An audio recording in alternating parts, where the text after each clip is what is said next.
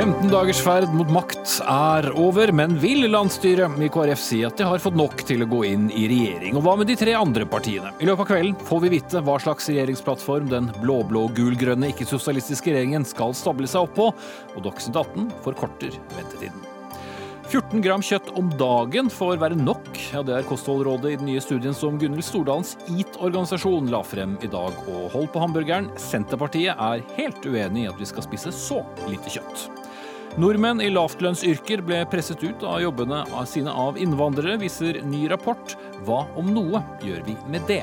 Og Turistforeningen roper alarm for friluftslivet når NVE skal peke ut nye områder der gigantiske vindturbiner skal sikre nasjonen grønn kraft.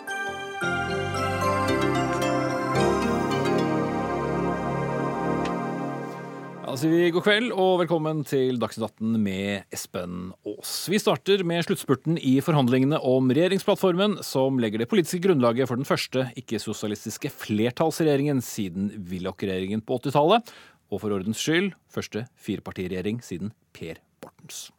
I ettermiddag startet landsstyremøtet i Kristelig Folkepartis eh, behandling, startet landsstyremøtet behandlingen av regjeringsplattformen på et hotell ved Gardermoen lufthavn, Kristelig Folkeparti altså, og på et annet hotell samme sted har landsstyrene i de nåværende regjeringspartiene Høyre, Fremskrittspartiet og Venstre bedrevet sine prosesser av samme plattform. Eh, som har vært spikret på siden 2. januar. Og Knut Magnus eh, Berge, du er på plass på hotellet der Kristelig Folkeparti holder til, og det er tillyst en pressekonferanse senere i kveld. Kan du foregripe den og si at eh, KrF kommer til å gi sin tilslutning til plattformen?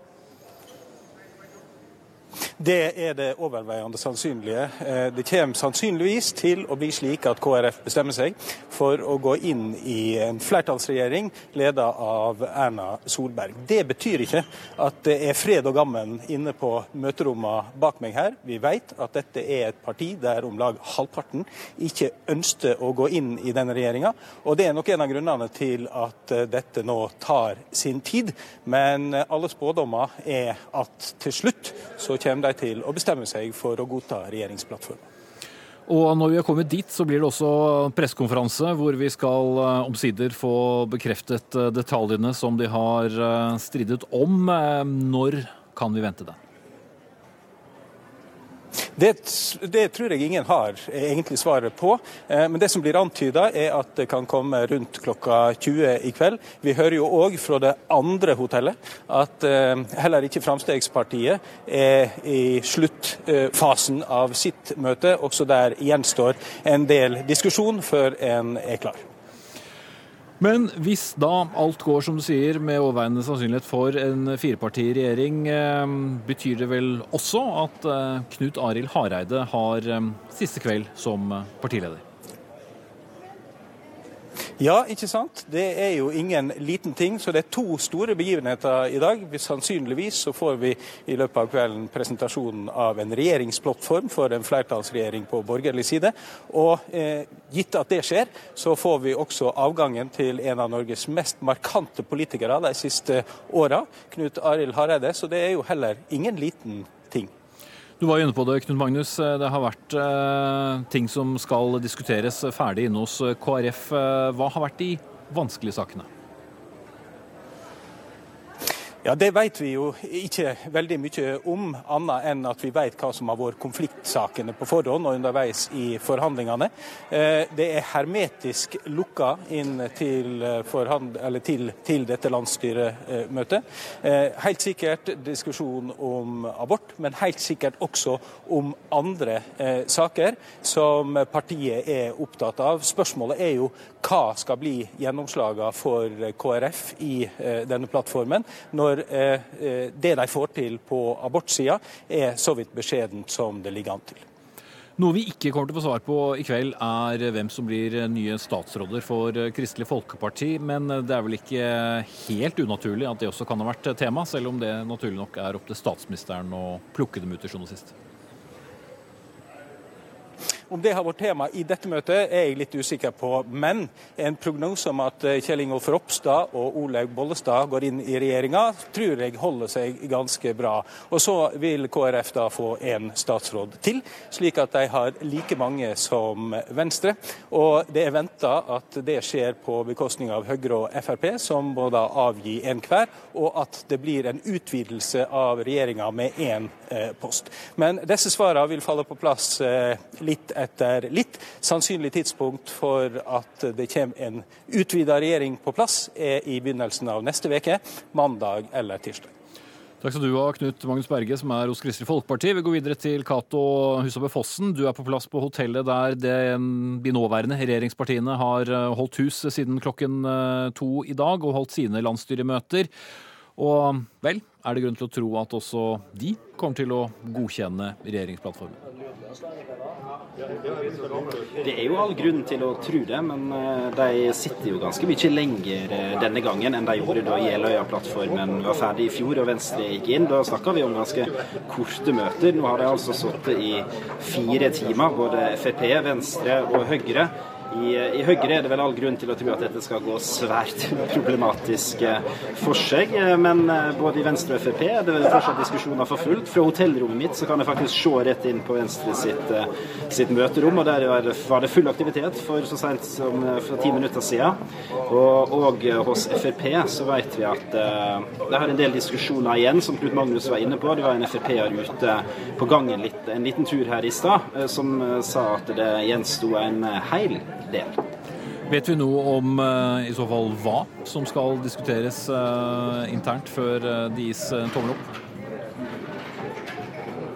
Vi skal vel ikke skryte på oss at vi vet det, for da de gikk inn på disse møterommene i to tider, så måtte alle politikerne legge fra seg både PC-er og mobiltelefoner og det som er av elektronisk utstyr. Men det er jo all grunn til å tro at det er de store konfliktsakene som også har preget forhandlingsperioden.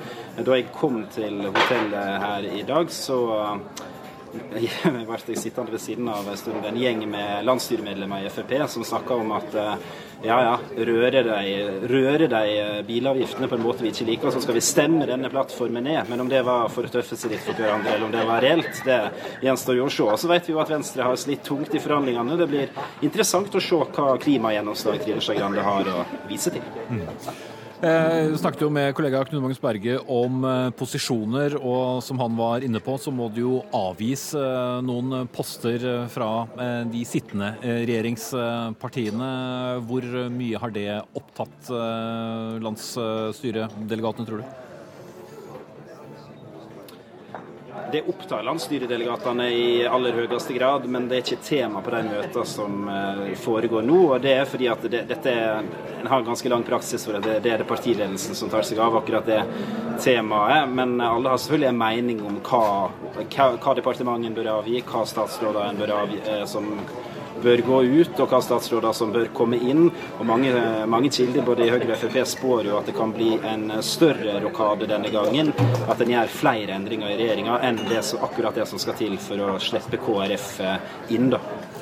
Til slutt, eh, Cato. Eh, hvem har den tyngste jobben av de tre partiene du holder øye med i kveld?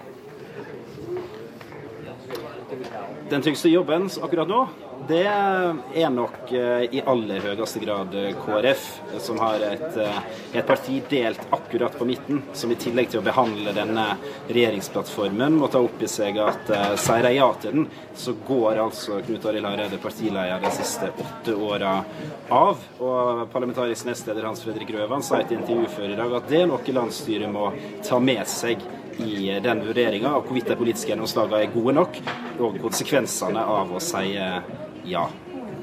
Da sier vi foreløpig takk til dere på Gardermoen, og henter dere inn igjen så fort eh, det eventuelt skulle komme nyheter derfra. Men vi har gjester i studio også, og begynner med deg, Kristin Clemet, leder for den liberale tankesmien Civita, og også tidligere statsråd for Høyre. Forutsatt at de nå blir enige, hvor solid er denne blå-blå, gull-grønne regjeringen? Oh ja, Den holder nok til eh, neste stortingsvalg, men det er klart at eh, hvis vi kunne sammenligne med eh, en situasjon i 2013, hvor alle de fire partiene hadde gått inn i regjering, så tror jeg vi må regne med at entusiasmen og begeistringen nå, den er nok ikke like stor som den ville vært i 2013. Vi har kommet mye lenger ut i perioden, det er gått noen år. Så de har en jobb å gjøre, selv hvis de nå greier å sette seg sammen i regjering, med å skape entusiasme rundt prosjektet, som man ofte sier. Og det å bygge seg opp mot et stortingsvalg hvor man gjerne gjerne skal ha ny politikk å presentere for velgerne også. Eh, og så blir det jo en helt annen situasjon, for det blir jo en flertallsregjering. Så det fordrer en annen type samarbeid internt i regjeringen. Det blir mer krevende, det blir et større spenn, og de vet at når de er ferdige med å forhandle regjeringen, så vil de stort sett være ferdige. Det skjer ikke endringer etterpå. Så det fordrer også, og man har hørt Erna Solberg har ambisjoner om at dette samarbeidet skal eh, foregå på en enkel og ubyråkratisk måte internt i regjeringen, selv om det blir fire partier, men det blir annerledes. Og det blir annerledes for opposisjonen også. De vil ikke like lett få gjennomslag for eh, såkalte anmodningsvedtak og forslag de fremmer i Stortinget lenger, men til gjengjeld er det kanskje mulig å markere seg med en mer kraftfull eh, opposisjonspolitikk. Så det blir absolutt nye tider i norsk politikk. Mm. Du var inne på tidspunktet. Men kunne det nesten kommet noe særlig senere nå? Er det siste sjanse? Ja, altså Hvis det skal være noe tid igjen til å få gjennomført politikk Husk nå sitter de altså snekre på en plattform. Jeg vet jo ikke hva de har tenkt der, men mest sannsynlig så må de ha tenkt slik at dette er ting de skal gjennomføre før neste stortingsvalg. Altså De har vel ikke laget en plattform for, eh, for senere stortingsperiode, vil jeg tro. Og, og, hva greier du å gjennomføre på to og et halvt år? Det er jo ikke eh, så veldig mye, for det, ting går jo litt sakte i politikken. da. Men Så de har dårlig tid for å demonstrere at, å eh, sette sitt preg på politikken, og det vil jo gjerne alle fire partier gjøre. Mm. Ole Berget, eh, du er nå partner i First House, tidligere informasjonsrådgiver i Frp og talskriver for eh, Siv Jensen. Hvordan tror du KrF og Fremskrittspartiet kommer til å trives sammen eh, i regjering med den litt interessante forhistorien de to partiene har, med nå faktisk da Sylvi Listhaug som er med på kanskje hjelpe dem inn i regjering, og som ble brukt som det største skrekkmiddelet i, valgkampen? Ja, det, det, er ingen tvil om at det har vært en eh, noe turbulent eh, historikk mellom de to partiene. Senest i, i, hele høst så var det mange i Frp som følte at det var mange i KrF som, som snakka veldig ufint om, om, Frp og FrPs eh, politikk. Da særlig fra den fløya som ikke ønska å gå inn i samarbeid med Frp fra KrFs side. Men de signalene som har kommet ut under sonderinger og forhandlinger, tyder jo på at det har bygd opp et eh, godt tillitsforhold eh, mellom forhandlingsdelegasjonene, altså FrPs partiledelse og KrFs partiledelse minus Knut Arild Hareide. Og det er klart at Disse prosessene fører ofte partiene nærmere sammen når du sitter kveld etter kveld og, og uke etter uke nå da, i siste perioden, sammen og diskuterer politikk. Eh, så jeg sier ikke at det blir enkelt, men jeg sier at eh, det er fullt mulig å lykkes med et godt samarbeid mellom de to partiene også. Kanskje jeg kan si én ting i forhold til de møtene som pågår nå. Vi er jo ikke der. Men eh, det blir snakket om hvis de varer en stund, så kanskje det er konflikter og diskusjoner og sånn. Og det kan jo være. Men det kan også være at dette for alle sammen fremstår også som en ganske historisk dag. Og at man typisk alle vil gi sitt besyv. Man vil si noe. Og sette sitt preg på liksom godkjenningsprosessen osv. Det er veldig vanlig i sånne prosesser at alle gjerne vil ha høre fra seg. Ja, og, og da tar det tid. I tillegg så er det store eh, dokumenter vi snakker om, som eh, sikkert utløser mange spørsmål. Mm eh, sånn at de i salen ønsker å få litt mer utbrodert hva er det som ligger i denne formuleringen, hva dette punktet egentlig betyr. Mm. Eh, og da er det klart det tar litt tid hvis man skal gå gjennom en hel bredde av politiske saker også. Entusiasmen i Fremskrittspartiet har jo ikke vært enorm eh, heller eh, i forkant av eh, dette prosjektet. I hvert fall før de satte seg ned for å forhandle. De er også det partiet som har garantert lidd mest på velgeroppslutning. Siste målingen vi hadde her i NRK sammen med Aftenposten, viste at de var jevnstore med Senterpartiet. Falt rundt to prosentpoeng siden valget, mens Høyre har holdt seg. Er det noen oppside for Fremskrittspartiet å sitte i en firepartiregjering helt frem til neste stortingsvalg? Ja, definitivt så vil jeg hevde det. fordi noe av utfordringa med å sitte eh, i mindretallsregjering, kanskje spesielt for Frp, det er jo at når man har fremforhandla Frp-seire i en eh, plattform fram til nå, både på Sundvolden og på eh, Jeløya, så har det jo vært eh, mange tilfeller at Stortinget har stemt de ned. Eh, mens de seirene som Frp får inn i denne plattformen, de blir jo faktisk gjennomført politikk. Eh, så, for FrPs del så er det mye viktigere nå eh, å få noen gjennomslag i denne plattformen, for da blir det faktisk politikk. Man har sett det f.eks. på eh, bompenger. Eh, Regjeringa har lagt fram forslag til å redusere takster og bompengepriser, og Stortinget har stemt det ned. Så hvis man får til noe i den retning i denne plattformen, så tror jeg det er mye å hente fra Frp å sitte i, i regjering. Vi skal straks til Gardermoen og spørre deg, Kristin Clemet. Er det litt sånn personlig seier for deg, dette òg? Altså, hele Civita-prosjektet har vel langt på vei også handlet litt om dette, med å kurse KrFU-ere og andre innad i tanksmien? Det er drøyt å si at det er et Civita-prosjekt, men jeg legger ikke skjul på at jeg foretrekker en borgerlig regjering. Og jeg syns det er veldig synd hvis de borgerlige partiene eller de ikke-sosialistiske partiene ikke greier å samarbeide. For det er det samme som å gi fra seg makt til, til venstresiden. Så jeg personlig syns det er veldig fint hvis de eh, får til dette. Og det er klart at eh, vi har tilbud til eh, de ikke-sosialistiske ungdomspartiene, men vi har faktisk til alle andre også. Så det er mulig å skolere seg for venstresiden også i Civita. Køen er kanskje ikke like lang. Um, Berit Aalborg, du er på plass på hotellet der KrF altså holder sitt landsstyremøte. I 2017 så gikk jo, som jeg sa, KrF til valg på at partiet ikke skulle inn i regjering med Frp, og gjør det altså likevel. Hvordan tar velgerne de forskjellige løftene, tror du? Nei, Det er jo vanskelig å si ennå hvordan de tar disse løftene. For, eller hvordan de tar dette, denne inntreden. Det vil vi jo se på målinger etter hvert utover i månedene som kommer. Men det er klart at det som jo kanskje er en, en bit av det som gjør det, har gjort det vanskelig for KrF her å, å, å, å så å si få en, en, del av den plattformen som de kunne gå inn i, det er jo rett og slett at en del av partiet mener at det er løftebrudd. Altså en del av de aktive medlemmene i partiet. Så, så, eh, men hvordan velgerne ser på dette, det, det vil jo rett og slett kun tida vise. Så skal altså eh, Knut Arild Hareide takkes av på et tidspunkt. Er det også bra for partiet å lukke på en måte Hareide-kapitlet, i og med de har tatt et annet eh, veivalg, og at han sånn sett får en mindre rolle i eh, den videre historien? Jeg tror i hvert fall det er naturlig for partiet å gjøre det, for de har ikke tatt hans anbefaling. Hans anbefaling var jo helt åpenbart å gå til Arbeiderpartiet og Senterpartiet. Og da er det jo naturlig at man da velger en, en leder eller en person som ønsker det, den, det, å samarbeide den veien og gå inn i en sånn regjering. Og da vil nok den personen også gjøre en mye bedre jobb for å få gjennomslag, og har helt åpenbart da bedre forhold til de politikerne som i dag sitter i regjering. Så jeg, jeg tror det vil være naturlig både for Hareide og for partiet, hvis de, som vi forventer, Venstre sier ja til plattformen eh, i dag. Magnus eh, Takvam, eh, vår politiske kommentator. Det har jo vært tette skott, men noe har begynt å lekke, iallfall. Hva kan vi si at vi vet om den plattformen som presenteres en eller annen gang i kveld? Mest sannsynlig. Det er egentlig relativt lite.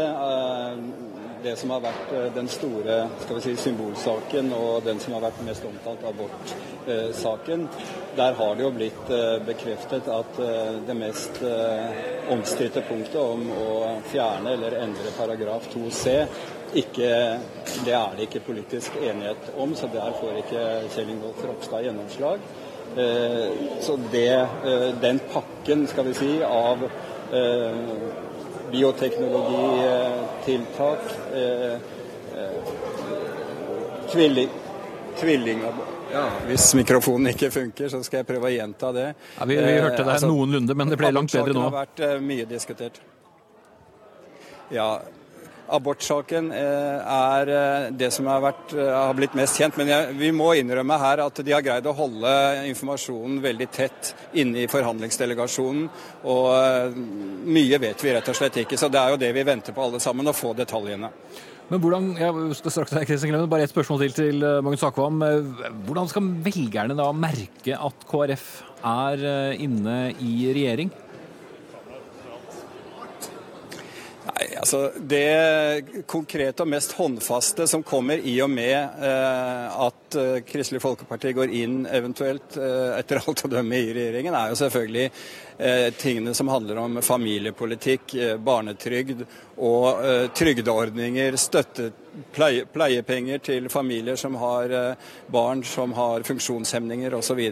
Men alle, alle, vet at en regjering i Norge må ha en eller annen forankring i sentrum. Det blir ingen, ingen revolusjon på kort sikt. Det som er utfordringen for f.eks. Kristelig Folkeparti, i tillegg til det å lege sårene internt eh, etter hvert, er jo selvfølgelig at eh, de i en sånn konstellasjon som den vi snakker om her, kan bli usynlige, både for så vidt de og Venstre, og at det er de større partiene i en sånn eh, koalisjon som, som, tjener på det. Det er den store utfordringen for begge de to sentrumspartiene, å greie å få økt eh, oppslutning.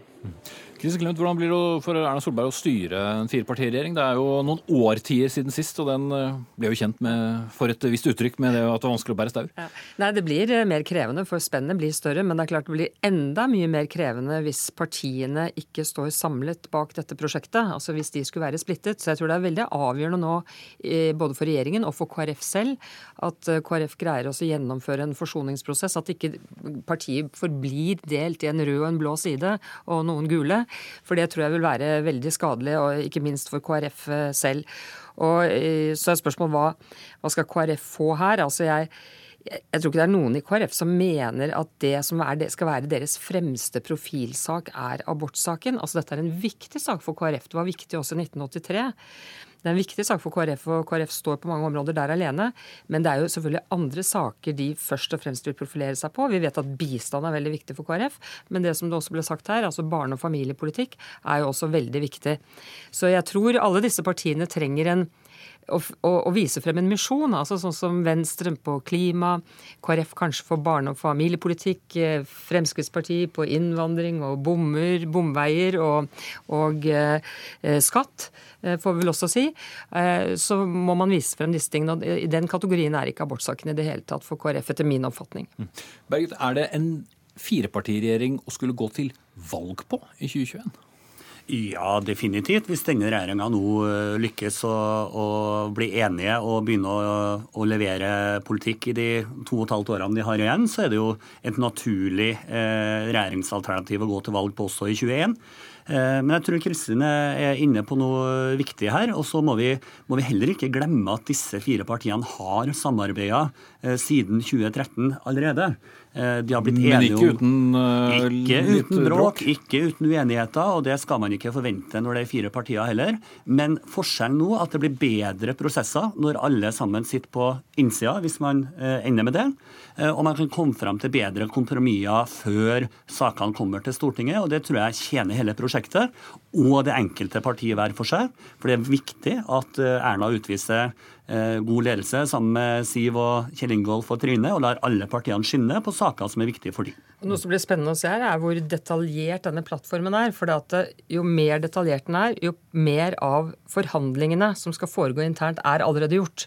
Hvis det, er, hvis, det er, to sider, så blir det masse diskusjon internt i regjeringen i tiden som kommer. Men hvis det er flere, og det er det sannsynligvis, så kan det hende at de har lagt mye av forhandlingene bak seg, og det vil lette arbeidet i regjeringen de neste to og et halvt årene. Men hvem har mest å hente på dette? Altså, Høyre er jo det partiet som har holdt seg det, noenlunde flytende. Det, det er alltid et dilemma i sånne koalisjonsregjeringer at det største partiet ser ut til å uh, tjene mest på det. Uh, så vil jeg si at hvis vi nå ser bort fra liksom de absolutt nyligste meningsmålingene, så har jo Fremskrittspartiet over disse årene greid seg mye bedre enn f.eks. SV gjorde. Og dette har jo blitt diskutert veldig mye hva årsaken til det kan være. Og da er det noen som snakker om dette her, eh, evnen til å gi partiene såkalte blanke seire. Det andre man har snakket om, er da at Erna har tillatt at man fremmer sine primærstandpunkter selv om man har inngått kompromisser eller skal inngå kompromisser. Og det har de jo snakket om nå også, så vidt jeg har forstått fra mediene, at eh, de fortsatt i en viss utstrekning vil tillate partiene å vise frem primærstandpunkter, rett og slett for å ivareta og vise frem sin egen identitet, fordi det kan være viktig for å greie seg i, i valg også. Mm. Berge kort før vi skal til Gardermoen igjen. Helt naturlig at det største partiet, statsministerpartiet, får et visst styringstillegg. Eh, men eh, Frp, de jeg snakker med i partiet, er også stolt over at eh, Frp har vært med og, og styrt de viktige, tunge departement, finans, arbeid sosial, olje, under en oljekrise som Norge har vært i, og kommet seg opp fra. Så det er klart at, at de store, viktige sakene er også viktige for de mindre partiene enn statsministerpartiet. Men så er det nok viktigere med enkelte symbolseire eh, for de tre andre partiene enn hva det er fra Høyre. Og fordelen nå alle partiene sine symbolserier som kommer inn i denne plattformen, blir vedtatt politikk. Men så er det også viktig tror jeg, for Høyre at ikke Høyre bare har én sak som heter Erna. Det er også viktig at Høyre har saker for at Høyre skal stå bak dette prosjektet også. Og Berit Aalborg på Gardermoen, det må jo ha en viss gulfarge denne plattformen også, fordi Kristelig Folkepartis meningsmålinger de har ikke akkurat vært spesielt imponerende siden valget. Men hvor gul må den være for at eh, partiet skal trekke til seg eh, velgere? Nei, det, det, blir jo veldig spennende å se hvor, hvor gult det er. Og det vi, har, unnskyld, det vi har hørt, er jo at det er noen seire både på gen- og bioteknologi, og det er noen seire på familie et av de kanskje store spørsmålene som jeg er veldig spent på å høre hvem som har fått seier og tap, er asyl- og innvandringspolitikken. For det er også viktige symbolsaker og viktige saker for Kristelig Folkeparti. Det er ikke bare Fremskrittspartiet som har det som sentrale saker. Og der, det, Jeg vil nok tro at det faktisk har vært blant de vanskeligste sakene for Erna Solberg å forhandle. For der er det sånn at det som er blanke seire for f.eks. Fremskrittspartiet, vil være blanke nederlag for KrF veldig fort, og motsatt. Så, så jeg tror nok at man må ha noe her er, og at ikke det har gått, eh, blitt altfor stor innstramning. Det tror jeg er vanskelig for KrF å leve med. Men det er jo spennende å se hvilke saker de har fått igjennom. Men vi vet altså ennå ikke om alle sakene som de har fått igjennom. Det vil vi jo få vite nå i løpet av kvelden. Mm. Og Magnus Takvam, eh, som vi har eh, så vidt vært inne på noen ganger i løpet av den samtalen, det er også et lokalvalg, og det er neimen ikke langt unna. Hva slags peke, viktige pekepinner kan det gi, både for regjeringssamarbeid og de videre to neste årene frem mot stortingsvalg? Det er klart det er en veldig viktig uh, etappe på, på, veien fram mot stortingsvalget. Det, det, er det ingen tvil om. Jeg for min del har snakket, siden jeg er da her på KrF-landsstyremøte, uh, med en del i partiet i det siste døgnet. Og der er det faktisk slik at i de delene, også de regionale delene av eh, KrF, der hvor det var overvekt av såkalte røde delegater, så er man veldig avventende nå om det å stille opp på lister til kommunevalget kommunevalget og, og fylkestingsvalg og slike ting eh, en del steder. Og man er da venter spent på om de får eh, ting å snakke om i lokalvalgkampen i og med denne plattformen. Om distriktspolitikk, fiskeripolitikk osv. Så, videre. så det er viktig for eh, KrF også å ikke framstå bare som det partiet som eh, har disse kjente merkesakene, men som har en bredere, bredere plattform. Så det er et av spenningsmomentene hos mange i KrF. Da setter vi et eh, foreløpig punktum, men eh, vi lover å komme tilbake eh, både fra Gardermoen og her fra studio dersom det kommer nyheter i løpet av sendingen. Takk til Berit Aalborg, politiredaktør i Vårt Land, og politisk kommentator Magnus Takvam der oppe, og Ole Berge i First House, tidligere Fremskrittspartiet, og Kristin Clemet fra Civita her i studio. Minner også om at debatten her i NRK på NRK1 har en egen partilederdebatt fra Gardermoen på NRK1. Skulle gjerne gitt et eksakt tidspunkt, men de må nesten bli ferdig der oppe først. Dagsnytt 18 alle hverdager kl 18.00 på NRK P2 og NRK2.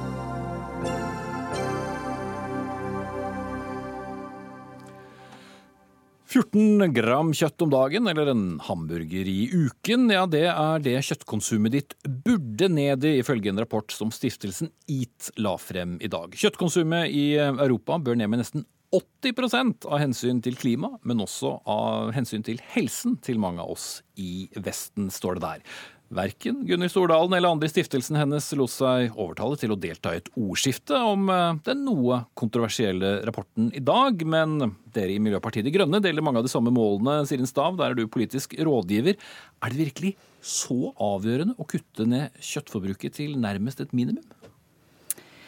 Ja, altså Vi syns det er veldig bra at Gunhild Stordalen med gitt og nærmere 40 eh, av verdens fremste forskere eh, har kommet fram til, eh, eller har lagd den rapporten som setter fokus på forholdet mellom eh, en, eh, helsa til folk, dyr og planet. og eh, det har jo vært kjent lenge at matsystemet vårt er en hoveddriver til klimaendringer, til avskoging og dårlig folkehelse i verden. Der for høyt kjøttforbruk og forbruk av salt og sukker er en driver bak mange av de mest utbredte livsstilssykdommene vi har i Norge og i Vesten, som hjerte- og karsykdommer og enkelte former for kreft og diabetes. Så dette er noe vi politikere er nødt til å ta på alvor. Og i dag har vi ikke en, føres det ikke en matpolitikk i Norge eller landbrukspolitikk som er er i tråd med eh, helse- og miljøfaglige råd, og det mener vi er på tide. Eh, ikke bare at vi baserer det på næringsinteresser og kjøttlobbyen, men at vi faktisk lytter til de fremste forskerne i verden.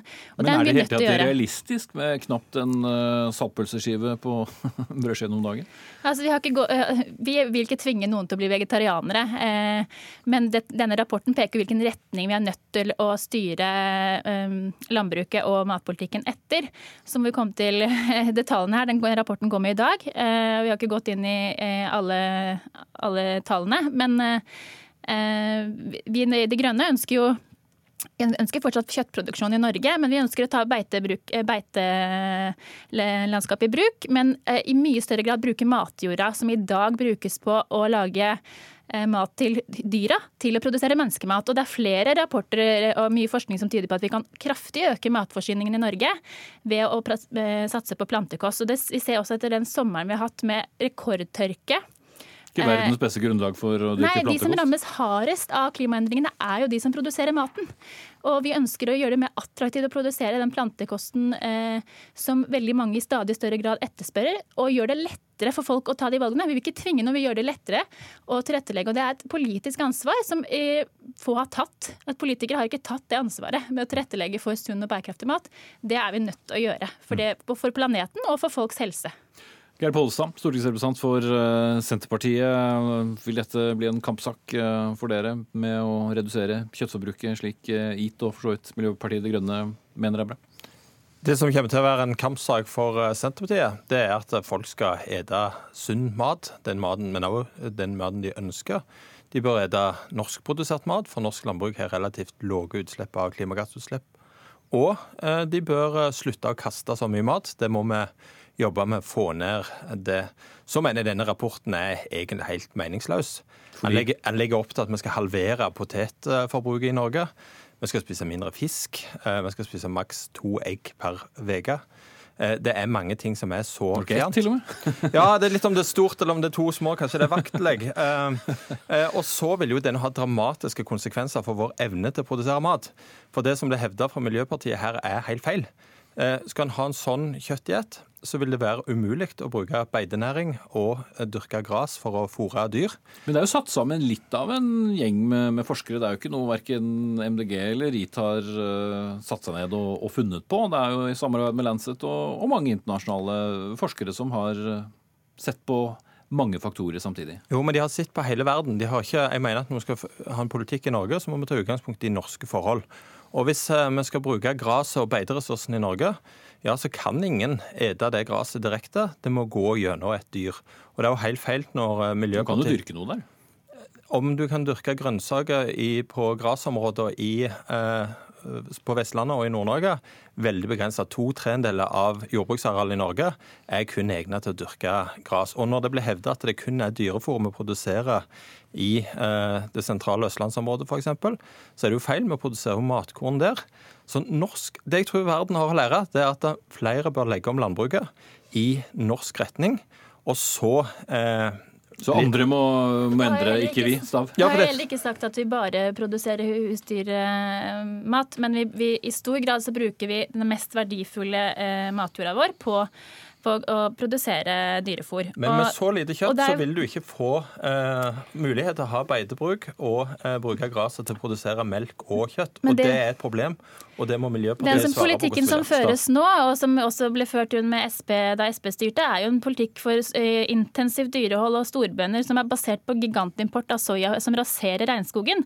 Og det faktum nå er at vi ikke klarer å spise opp det kjøttet vi en gang uh, har, fordi vi har gigantoverskudd med kjøtt i Norge, og i fjor ble det en million kilo kvernet opp som gikk til pelsdyrfôr.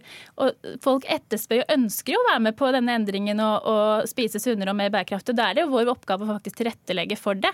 Og det stemmer ikke faktisk at vi ikke kan produsere mer, mer plantekost og samtidig eh, støtte de bøndene som vil, vil produsere bærekraftig sunt eh, sunt kjøtt. For det ønsker jo Det ønsker også Miljøpartiet. Vi, har, vi ønsker enda større støtteordninger til småskala dyrehold, mens eh, Sp er, fører en politikk for storbønder. Ok, Men eh, la gå at eh, norsk landbruk er jo subsidiert, men det vil jo aldri være dumt å lytte til forbrukerne. Og det er jo riktig, vi har jo tatt den diskusjonen noen ganger her i studio og for så vidt kranglet mye om årsakene, men at vi produserer jo altfor mye kjøtt, og, og gikk jo mye med til bl.a. pelsdyrmat av, av kjøtt. Ja, Vi er opptatt av å få et samsvar mellom det forbrukerne spiser og det som blir produsert. Vi er opptatt av å få ned eh, matkastingen. Eh, men det som er med denne rapporten, er at den er så ekstrem. Og jeg tror at et av problemene i klimadebatten er at det er de ekstreme standpunktene som får eh, dominere.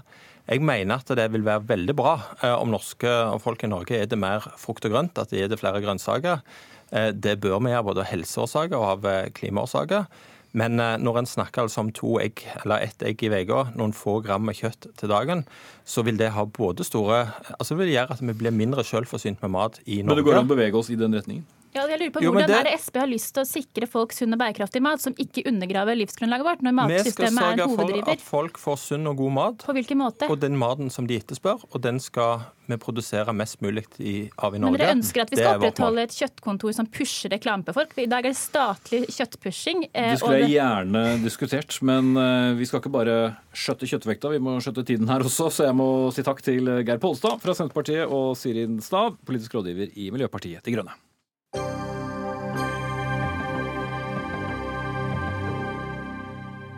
For vi skal nemlig tilbake til eh, Gardermoen, vi, og det er reporter eh, Knut Magnus Berge, for det har skjedd ting siden sist. Ja, det som, det som, har skjedd, er at dørene er gått opp inn til møterommet der KrF eh, holder til. Og de er kommet ut. De har riktignok ikke kommet bort hit som vi står. Så vi vet ikke helt hva dette innebærer. Det er på mange måter tre forskjellige møter som pågår i KrF her på Gardermoen. Først et eh, landsstyremøte som skal gi en anbefaling til regjeringsplattformen. Så et, sentralt, nei, så et eh, møte i stortingsgruppa som skal ta stilling til Eh, regjeringsplattformen. Og så skal det òg komme et eh, landsstyremøte eh, som vil da være det møtet der Knut Arild Hareide går av som leder. Jeg tror at det sannsynlige her er at de to første møtene nå er ferdig, og at KrF i så fall har tatt stilling til regjeringsplattforma. Vi så Knut Arild Hareide gå forbi her borte i gangen. Han så relativt samla ut. Det var ikke var ikke så lett å tolke det i den ene eller den andre eh, retninga. Men eh, eh, sannsynligvis så nærmer det seg nå en eh, pressekonferanse der eh, regjeringsplattforma da eventuelt skal presenteres.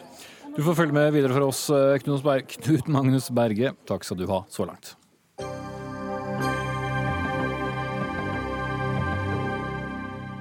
Innvandringen hit til Norge ja, den har fungert dårligst for de nordmennene med lavest lønn. For arbeidsinnvandrere fra EØS- og lavinntektsland tok nemlig over de jobbene som tradisjonelt har tilhørt norske lavinntektsfamilier. Dette konkluderte en studie fra Frisch-senteret, Senteret for samfunnsøkonomisk forskning. Og en som har forsket på dette, er deg, Simen Markussen. Du er seniorforsker der. Hva var det dere så på for å komme til denne konklusjonen? Ja, så I denne studien så studerer vi utviklingen i det vi kaller sosial mobilitet. Og Det er egentlig sammenhengen mellom hvor på den økonomiske rangstigen du har vokst opp, og hvor du havner. Og Over tid så har vi sett det at det har gått stadig dårligere med de 10-20-30 prosentene som er født inn i de fattigste familiene. Men ganske store grupper vi snakker om, altså si nederste 30 prosentene. Ja. Og det vi har studert i denne artikkelen, det er hvordan innvandring har spilt inn på fallet i mobilitet for de fra de fattigste familiene. Mhm. Men hva har skjedd med de familiene? Hva gjør de? Ja, En del av dem tjener mindre enn det de gjorde før. En del av dem er ikke lenger i arbeid. Eh, jeg bare si et par ting til om hva vi har gjort. Altså Det vi da studerer, det er variasjonen i lokal innvandring, altså innvandring til lokale arbeidsmarkeder. Så ser vi hvordan det påvirker påvirker mobiliteten i disse markedene. Hvordan det påvirker folk fra fattige og rike hjem, kan du si, og fordelingen. Og da, da ser du da at, de, at, innvandrerne har kommet nettopp inn i de jobbene som folk fra lave sosiale lag pleide å ha. Som for eksempel? som byggebransje, som en del servicenæring. Det har kommet inn en rekke jobber. Så dette dreier seg nå om en ganske stor andel av befolkningen. ikke sant? Eh, og ser da at det forklarer kanskje oppimot 75% av fallet i eh, fallet, ja, mobilitetsfallet for denne gruppa. Som gjør at de altså gjør det dårligere enn middelklassen og andre. Dårligere enn det de gjorde før, som følge av innvandring. Ja. Men eh, altså, Ta med tidsrommet her også, men hvem er det som har på en måte hatt ansvaret for denne utviklingen? Har det bare skjedd? Altså, det, det, mest dramatiske som har skjedd her, er jo åpningen av det europeiske arbeidsmarkedet fra 2004 og fremover. Så det står for den største endringen, kan du si. Men, men det dreier seg også om innvandring fra lavinntektsland, som jo har vært en mer kontinuerlig og langvarig prosess da, over en lengre periode. Mm. Jonas Bals, rådgiver i LO, jobber særlig med sosial dumping. Var dette funn som overrasket deg? Nei, dette har jo tvert imot vært ting vi har vært veldig opptatt av i fagbevegelsen lenge. og forsøkt å få oppmerksomhet omkring. Må jo si at I det politiske ordskiftet har vel vi ofte opplevd at dessverre at mange har bagatellisert dette her. og eh, forsøkt å avdramatisere dette. her. Jeg mener at det er ganske dramatisk. Og eh, nå har vi heldigvis hatt en god del tiltak mot sosial dumping i det norske arbeidslivet som en del andre land ikke har hatt. Hvor vi har sett at det har vokst fram en hel ny klasse av såkalt arbeidende fattig, og der er vi tross alt ikke i Norge, men vi ser jo tendensen. Og vi ser at de som rammes hardest, det er jo de som har lavest lønninger fra før. Og det er både noe dypt urettferdig i det, i tillegg til at det går utover eh, tillit og sammenhengskraften i, i samfunnet. Og jeg mener at det er dette er mye av forklaringa på de spenningene og økte avstandene vi ser mellom folk. Mm. Også i andre land. Men det har jo skjedd, har jo skjedd mye, eh, som du selv uh, sier. Ikke mm. minst for så vidt også sikkert pga. Uh, press uh, fra dere. Og dette tar jo da utgangspunkt i de som er født mellom 1960 og 1980. Mm. Uh, den store EU-utvidelsen fikk veldig mye å si, som, som Markussen sier her. Men er det grunn til å tro at ikke det endrer seg videre? At det kan gå i en positiv retning? Som følge av de tingene du var inne på selv? Altså, jeg må nok si at uh, de politiske virkemidlene har ikke stått i stil med størrelsen på utfordringa. Det tror jeg vi trygt kan oppsummere. Og det er jo flere grunner til det. Um, samtidig skjer det mye positivt nå. Jeg mener at her i Oslo f.eks. så har jo politikerne vedtatt nye innkjøpsregler uh, for bygg- og anleggsbransjen, som gjør at uh, når kommunen setter ut jobb på anbud, så går man ikke bare etter lavest mulig pris lenger. For gjør du det i et felleseuropeisk marked, hvor folk kommer fra land med veldig lave lønninger, så føler det det vi, som det har ført til i Oslo, hvor det f.eks. ikke var nok søkere til malerlinja på Stovner, hvor jeg utdanner meg min tid. Til utdanne, altså Vi utdanner ikke malere i Oslo, som er en by som skal vokse helt vanvittig i åra som kommer. Men eh, nå gjør kommunene det motsatte. Nå sier de at nå skal vi kreve lærlinger, vi skal kreve fast ansatte. Vi skal kreve fagarbeidere.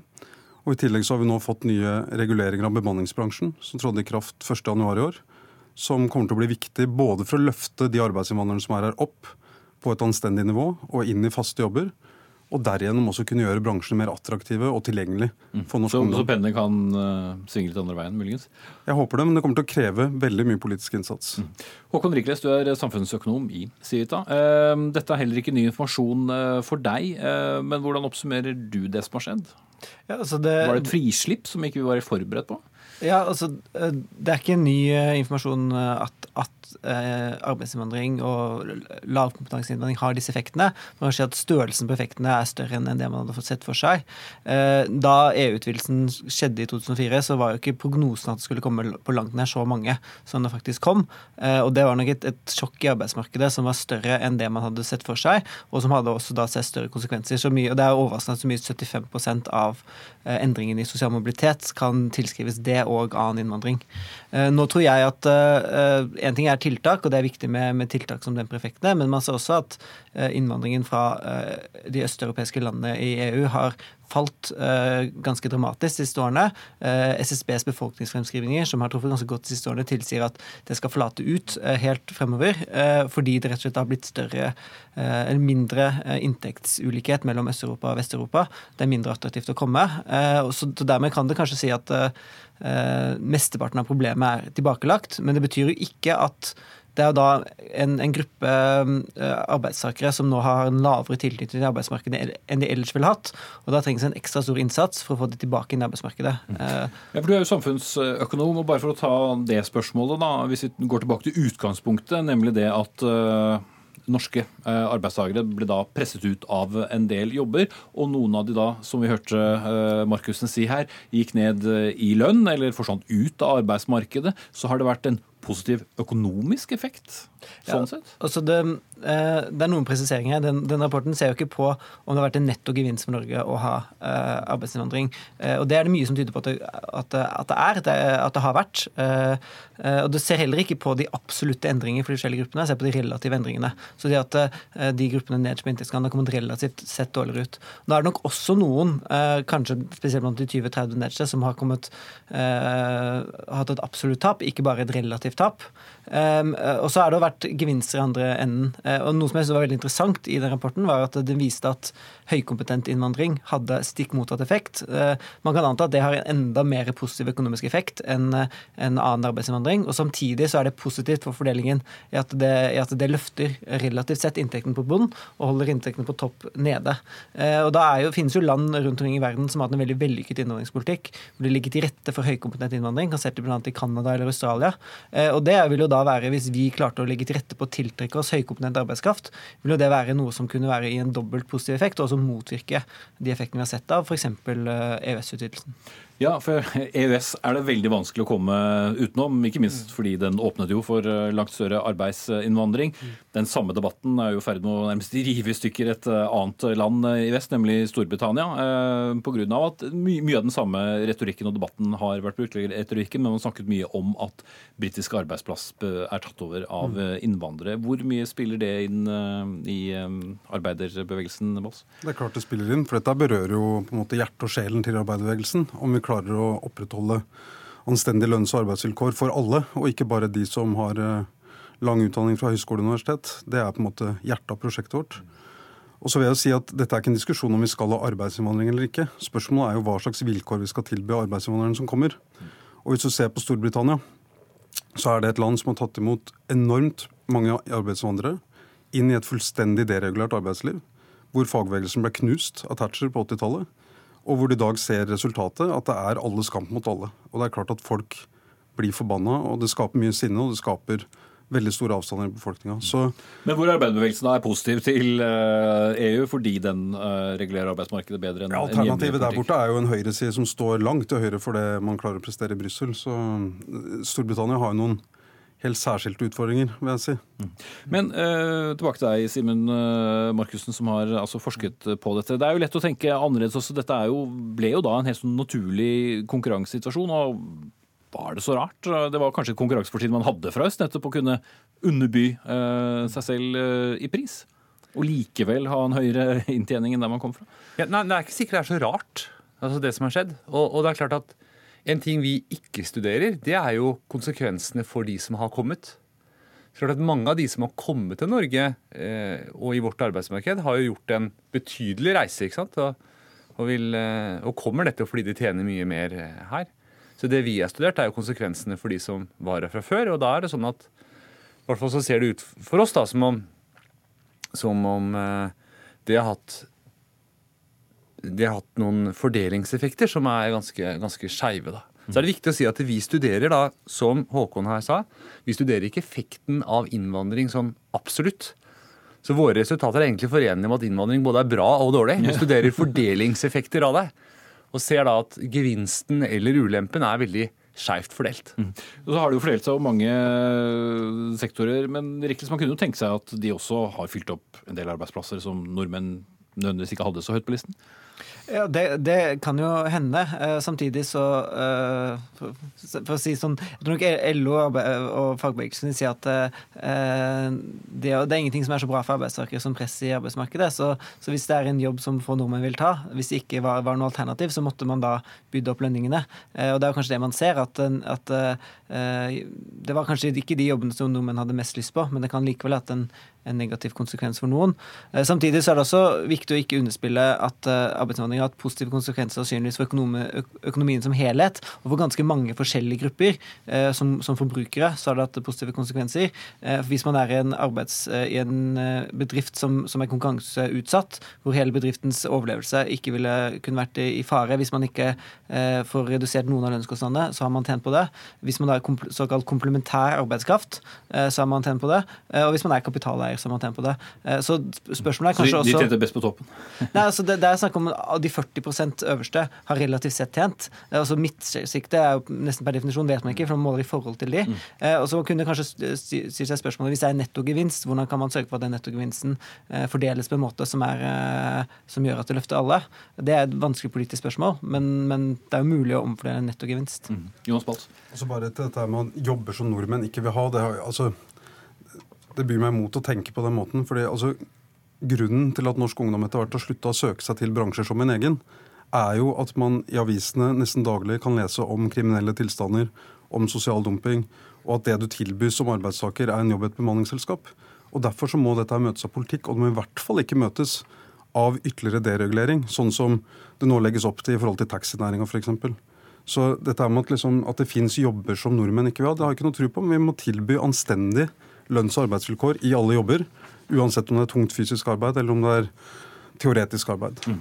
Da må jeg sette strek. Takk til Jonas Bals fra LO, Simen Markussen, seniorforsker i Frischsenteret, og Håkon Rikles fra Civita.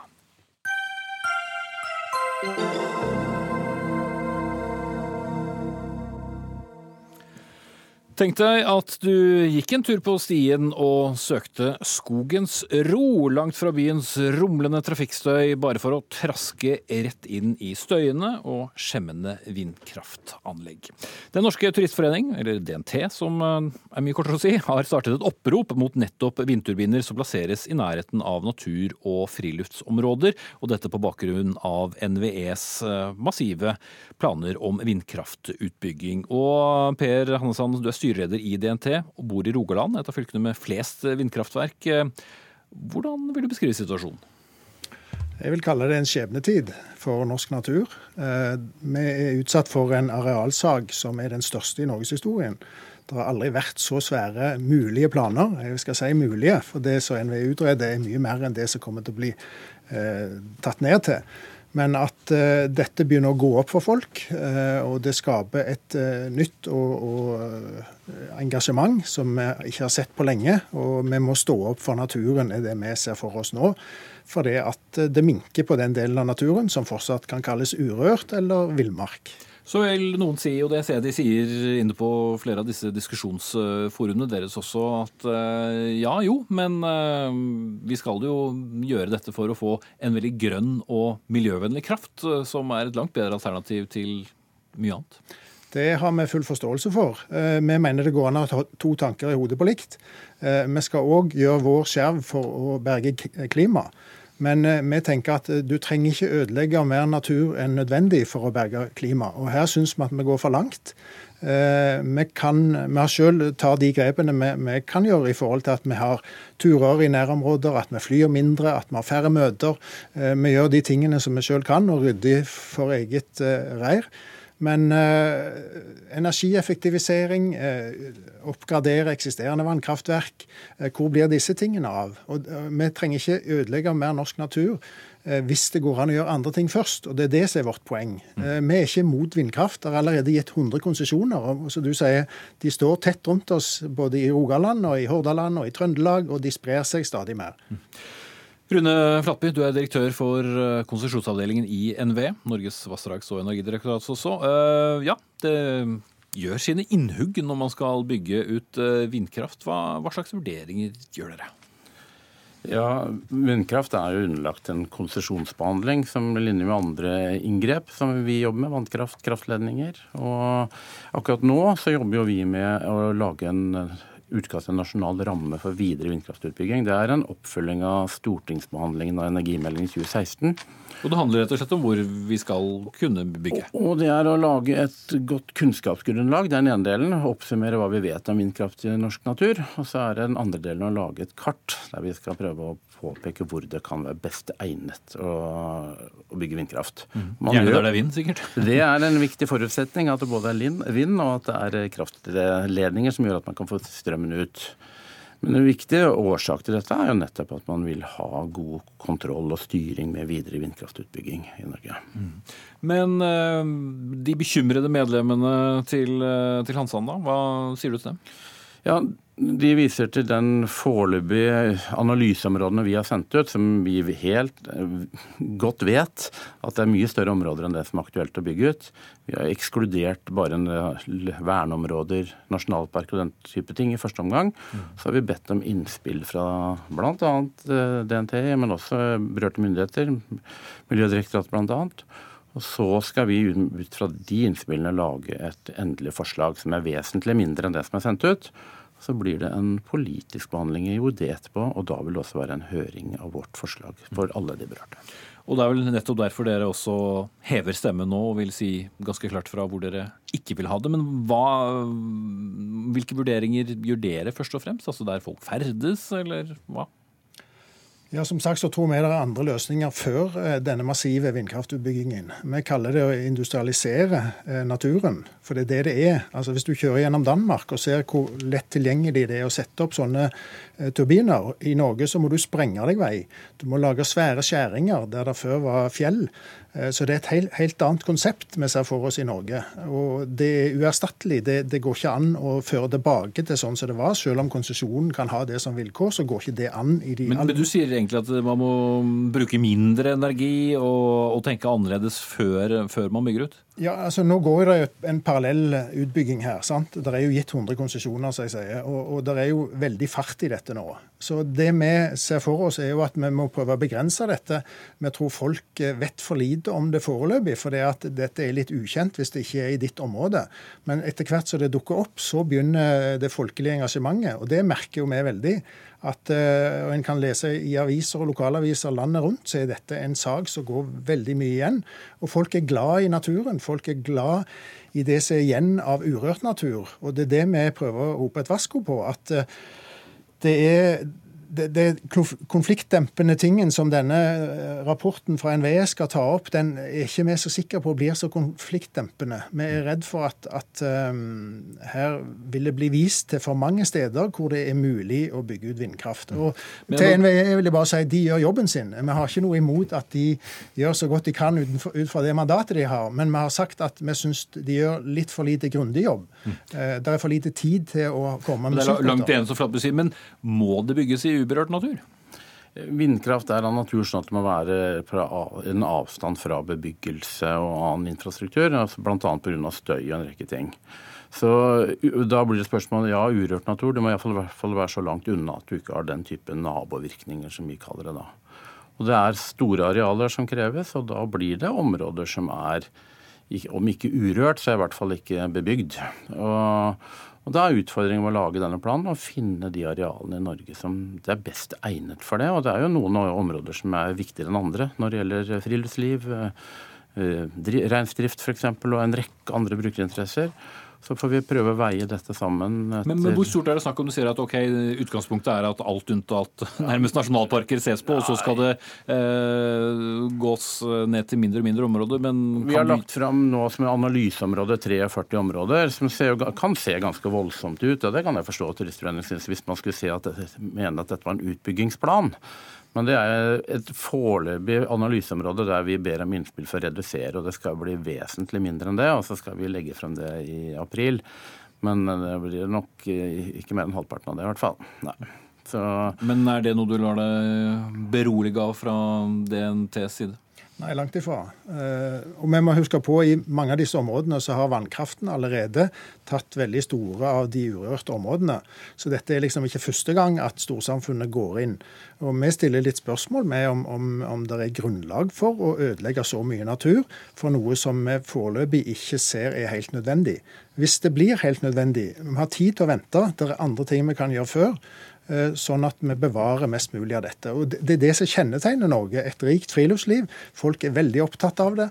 Eh, og Da kommer turister til Norge, og turisme skal være en vekstnæring. Og så bygger vi ned og gjør det som om du er i et annet land lenger sør i Europa.